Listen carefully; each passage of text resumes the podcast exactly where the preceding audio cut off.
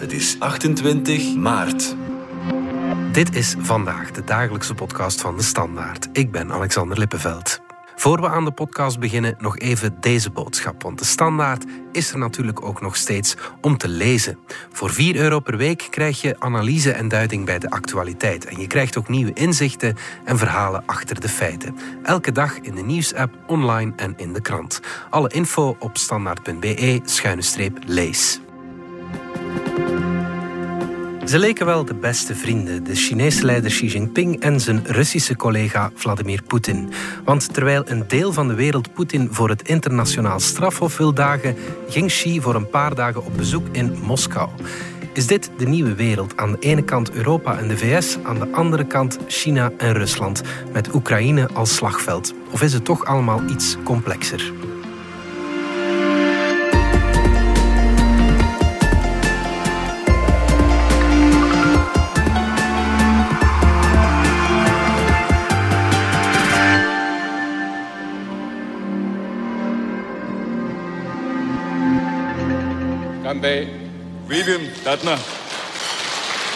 Je hoorde de glazen klinken, dat waren Xi en Poetin vorige week toen ze elkaar ontmoeten.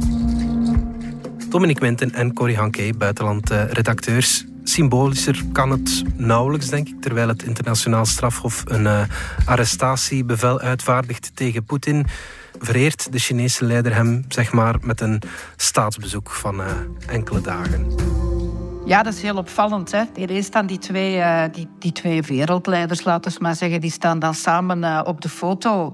Terwijl een van de twee, Poetin, een beetje door het Westen nu als, als paria gelabeld is, omdat hij door het internationaal strafhof gezocht wordt. Mm -hmm. Dus alleen al zo symbolisch toont Xi dat hij het internationaal strafhof niet ernstig neemt. Mm -hmm. By the way, China herkent het ook niet. Dus... Je ziet wel, wel meer dat Xi eigen koers wil varen. Bijvoorbeeld de Veiligheidsraad. China is daar permanent lid van. Ja. Maar wat je wel ziet, is dat ook de China daar een heel eigen koers in wil varen. Dat daar ook de macht wat naar zich toe wil trekken. Ze steken daar geld in. Maar dat geld steken ze daar niet zomaar in. Ze steken dat daarin om invloed te kopen. Ja. Daar is China langer mee bezig. Hm. De internationale klimaatonderhandelingen. Daar uh, wil China aan meewerken. Ze willen constructief zelfs meewerken. Maar ze laten nooit toe dat het Westen, de Verenigde Staten en ook Europa hen dingen gaat opleggen. Nee, dat, dat, als ze daarmee, daarover beginnen te spreken, dan voel je onmiddellijk dat Peking op de rem gaat staan. Ja. Dus ze willen geen internationale inmenging. Ja, ja dan merk je dan ook uiteindelijk. Hè. Zo, dan staan ze met twee op de foto en, en voor de camera's. En dat, dat is ook nog eens een duidelijk signaal van... kijk, voor ons dat internationaal gerechtshof, dat geldt voor ons niet. Dat is iets van het Westen. Wij hebben daar niks mee te maken. Dat was Xi die Poetin bedankt en benadrukt dat de relatie tussen beide landen zich verder ontwikkelt.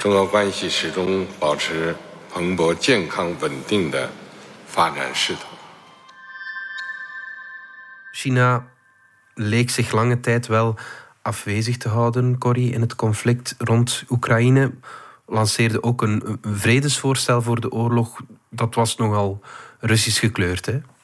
Ja, hij zit wel in een heel dubieuze positie natuurlijk. Op, op zich is het wel bizar dat je aan de ene kant je profileert als onderhandelaar en iemand die een vredesvoorstel uh, formuleert en tegelijkertijd iemand die dan toch duidelijk partij kiest op het eerste gezicht van Poetin en die met een voorstel afkomt dat eigenlijk op maat van de Russen geschreven is. Dus nee, helemaal afzijdig blijven ze niet. Hè.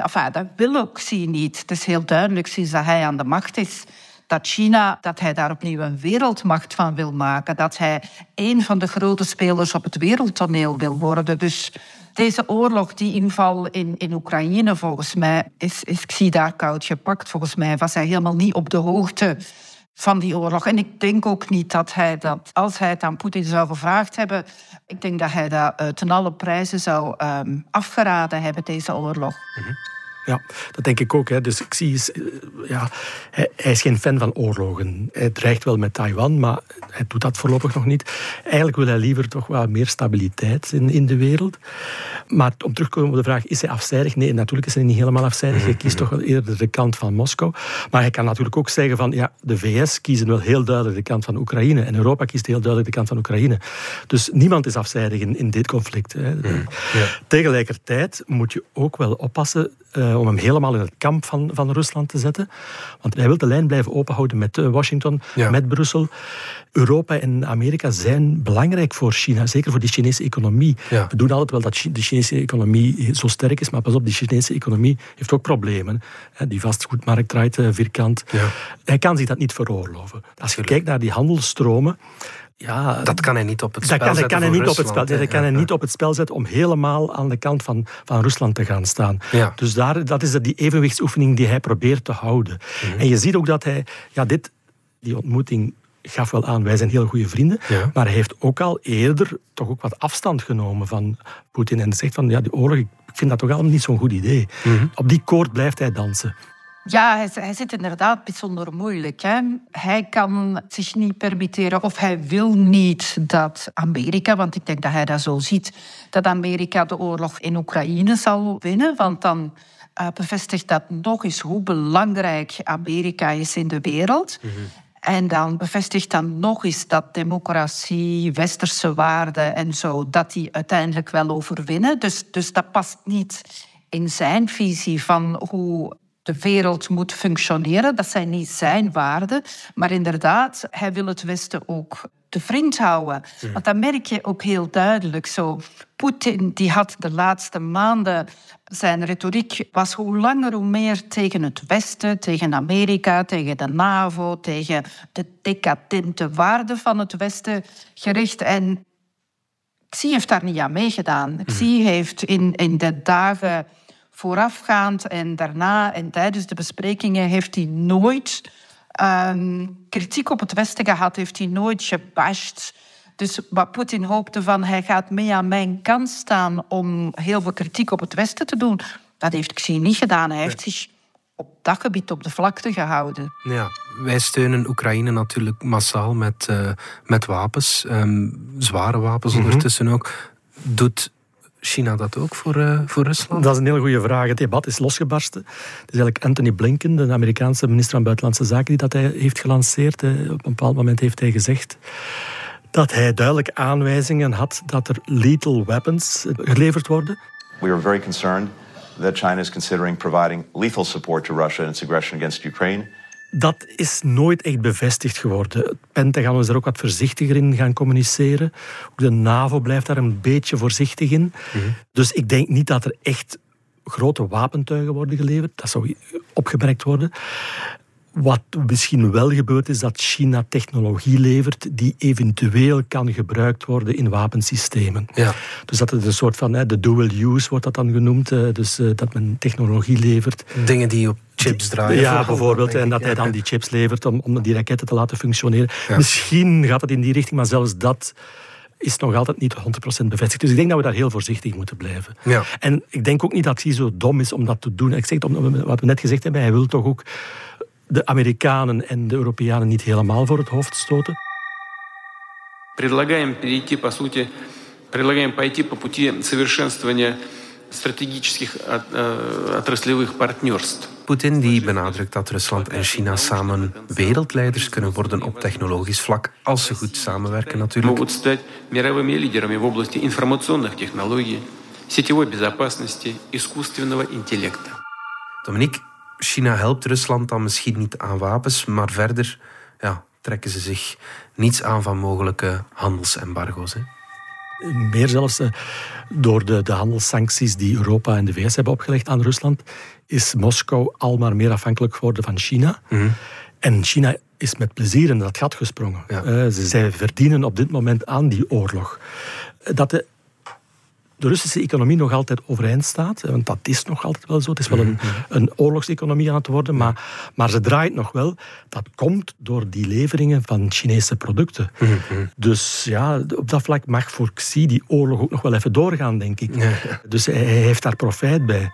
Ja, uh, hij heeft daar zeker profijt bij. Want wat je bijvoorbeeld ook merkt, is dat uh, hetgeen wetenschappers de de-dollarisering noemen, is nu bezig in, in Rusland. Dat wil zeggen dat uh, de Chinese munt, de yuan, al maar belangrijker wordt in de handelstromen van Rusland en de dollar al maar minder belangrijk wordt. Mm -hmm. En wat je ook ziet, is dat China profiteert nog op een andere manier van, van deze oorlog.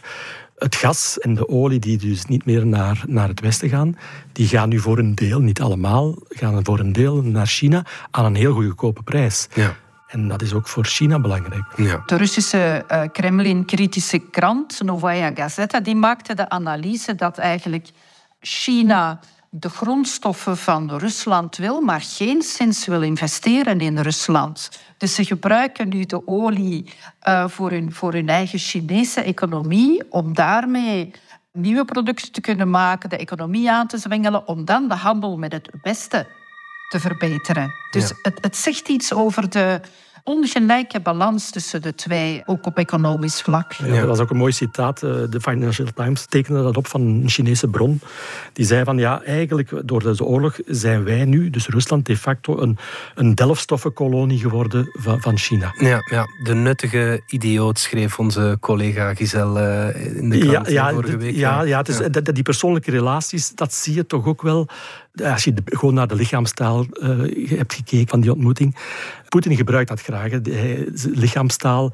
Hij gedraagt zich graag arrogant. Hij, met, hij gaat graag met zijn benen wijd zitten. Ja. Toen er nog westerse leiders op bezoek kwamen. Ja. Dus hij, hij, gaf dan het beeld van, ja, ik ben hier de baas hè, en uh, jullie moeten naar mij luisteren. Mm -hmm. Nu maakte hij eigenlijk een beetje een kruiperigere indruk, vond ik. En was het vooral Xi die heel nonchalant was en die dus de indruk had van, ik ben hier nu de baas. Dus dat tekent die verhoudingen wel. Ja, moet toch een soort van reality check zijn voor Poetin? Of ik vrees van wel, ja. ja, ja ik denk dat, uh, sommigen zeggen wel dat hij niet meer zo rationeel is, maar ik denk dat hij nog rationeel genoeg is om te beseffen dat hij zichzelf in een zwakke positie heeft geplaatst. Ja, ja hij dacht aan een oorlog te beginnen en zijn plaats in de geschiedenis te veroveren. En wat is uiteindelijk het gevolg?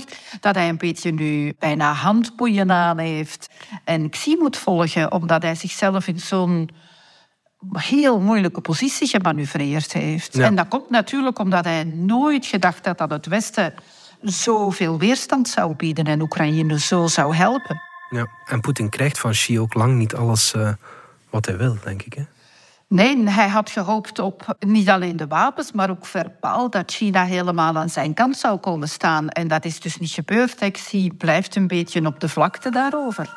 Als je het slotdocument leest, dan merk je dat vrij vroeg in het document staat dat Rusland de positie van China uh, in Taiwan uh, steunt en daarin zal helpen. Maar nergens staat in het document dat China Rusland zal steunen in okay. zijn strijd. Ja, dat is wel tekenend, um, absoluut. Toch nog even over dat vredesvoorstel dat China heeft gelanceerd. Is dat nu een belangrijk document? Ik denk niet dat dat een vredesvoorstel is. Hmm. Ik denk niet dat dat een document was dat bedoeld was om vrede in de regio uh, te brengen. Hetgeen dat ik al zei, het is wel een beetje raar dat je aan de ene kant zogezegd dan bemiddelaar wil zijn en aan de andere kant met iets komt dat helemaal op maat van één partij geschreven is. Nee, ik en, en zoveel specialisten geloven niet dat dit een vredesvoorstel was. Dit, dit was iets anders. Dit was een waarschuwing aan het Westen. Uh, met de boodschap: als jullie zware wapens aan Oekraïne gaan leveren, dan gaan wij Rusland bijstaan en dan gaat het conflict escaleren. Dus stop met jullie beloftes van zware wapens te leveren of meer zware wapens te leveren. Maar ik denk veel meer dat dit een boodschap naar de rest van de wereld was. Naar de, naar de landen in het zuiden, waar China al heel lang zijn invloed probeert uit te breiden. Want als je dat voorstel leest, van de twaalf punten die erin staan, staan er twee in die helemaal op maat van het zuiden zijn gemaakt. Dat is de graandeal. Mm En de aanklacht dat de energieprijzen en de grondstoffenprijzen de hoogte zou ingaan, waardoor de globale wereldeconomie ontwricht wordt. Ja, ja. Dus de landen in het zuiden die, die bekijken de oorlog in Oekraïne met heel andere ogen dan wij. Voor hen is dat een westerse oorlog waar zij niks mee te maken hebben, maar wel alle negatieve gevolgen van krijgen. En het feit dat wij dan zo nog een beetje lachen met dat zogenaamd vredesvoorstel, dat wij daar niet, of het Westen en Oekraïne daar niet willen over praten, maakt dat in het zuiden een aantal landen toch wel denken. Het is ook zo dat in, dat in, in deze oorlog het Westen het laken naar zijn kant aan het trekken is. Als je kijkt naar de graandeal, wij hebben de markten afgeschuimd om zoveel mogelijk graan te krijgen. Als je kijkt naar de energieprijzen, wij hebben gezorgd dat onze energiebevoorrading gewaarborgd was ten koste van andere landen in het zuiden. Dus de boodschap van Xi met dat vredesvoorstel is veel meer aan die mensen van het, aan het zuiden om te zeggen wij zorgen voor jullie, wij hebben ook voor jullie belangen. Inderdaad, dat laatste mag je zeker niet onderschatten. Hè. Als je ziet, zeker die energie, hoe dat Europa, Duitsland bijvoorbeeld op kop, onmiddellijk na het uitbreken van de oorlog naar Qatar is getrokken om daar eh, LNG-contracten te gaan afsluiten. Tegen welke prijzen? Tegen welke prijzen. En wat de gevolgen daarvan in de armere landen in het zuiden mag je echt niet onderschatten. Hè. Pakistan bijvoorbeeld, Bangladesh, dat zijn landen die, die krijgen nauwelijks nog contracten binnengehaald. Mm Dus die voelen dat echt aan de lijve. Dat besef, denk ik, is niet genoeg doorgedrongen hier in Europa, dat die gevolgen van die oorlog zwaar zijn voor de armere landen. En daar speelt Xi heel... En terecht, ik, op dat vlak kan ik hem gelijk geven. Hè. dat, dat, is een probleem. En daar, moeten we, daar zijn wij te veel blind voor in het Westen, denk ik. En, en, en denk je dat de westerse leiders hier dan een soort van les uittrekken van misschien moeten we daar toch eens naar kijken? ja, dat, dat, is een goede vraag. Ik weet het niet. Dat vind ik, dat vind ik een moeilijke vraag. We zijn nog altijd proberen onze, onze energiebelangen zoveel mogelijk veilig te stellen. Dus nee, op dat vlak trekken wij daar niet echt lessen uit. Xi heeft nu een, een, vredesplan. Hij heeft al met Poetin gesproken, dat is duidelijk. Maar heeft hij ook met Zelensky gesproken? Want ja, er zijn natuurlijk twee partijen in die oorlog. Twee dagen geleden heb ik de adviseur van Zelensky daarover gesproken. En hij zei dat op dat moment er nog geen enkel telefoontje was geweest. En dat ook niet vanuit de Chinese ambassade in Kiev gezocht wordt naar een gaatje in de agenda van Zelensky om uh, met Xi uh, te bellen of via videoconferentie te praten. En Zelensky, enfin, bij monden van zijn adviseur, blijft zeggen: hij was, is en zal bereid zijn om met Xi te praten, maar tot nu toe is er nog geen contact geweest. En het zal mij niet verbazen dat dat er ook niet gaat komen. Hmm. En is dat dan niet raar? Ik weet niet of ik zie vrede wil. Ik zie ook niet goed hoe hij een oplossing uit deze crisis ziet waar uh, iedereen tevreden mee kan zijn. Oekraïne, Rusland, hijzelf en het Westen. Hetgeen dat een vredesvoorstel heet, ik denk dat je daar gerust een, ander, best een andere naam geeft. Want volgens mij is het dat nooit geweest. Het is ook geen roadmap van mm-hmm. dit zijn de opeenvolgende stappen. Dat was gewoon zo beetje oplijsten van wat allemaal belangrijk was. En dat blijft het probleem. Hoe, hoe geraken we uit deze oorlog? Hè? Is er een vredesoplossing mogelijk? Op dit moment zie ik ze nog altijd niet. Poetin wil er geen op dit moment. Hij wil gewoon voortvechten. Zelensky wil eigenlijk op dit moment ook geen. Hij wil de Russische troepen allemaal weg. Mhm. Zolang dat niet gebeurd is, is er geen vrede mogelijk, denk ik.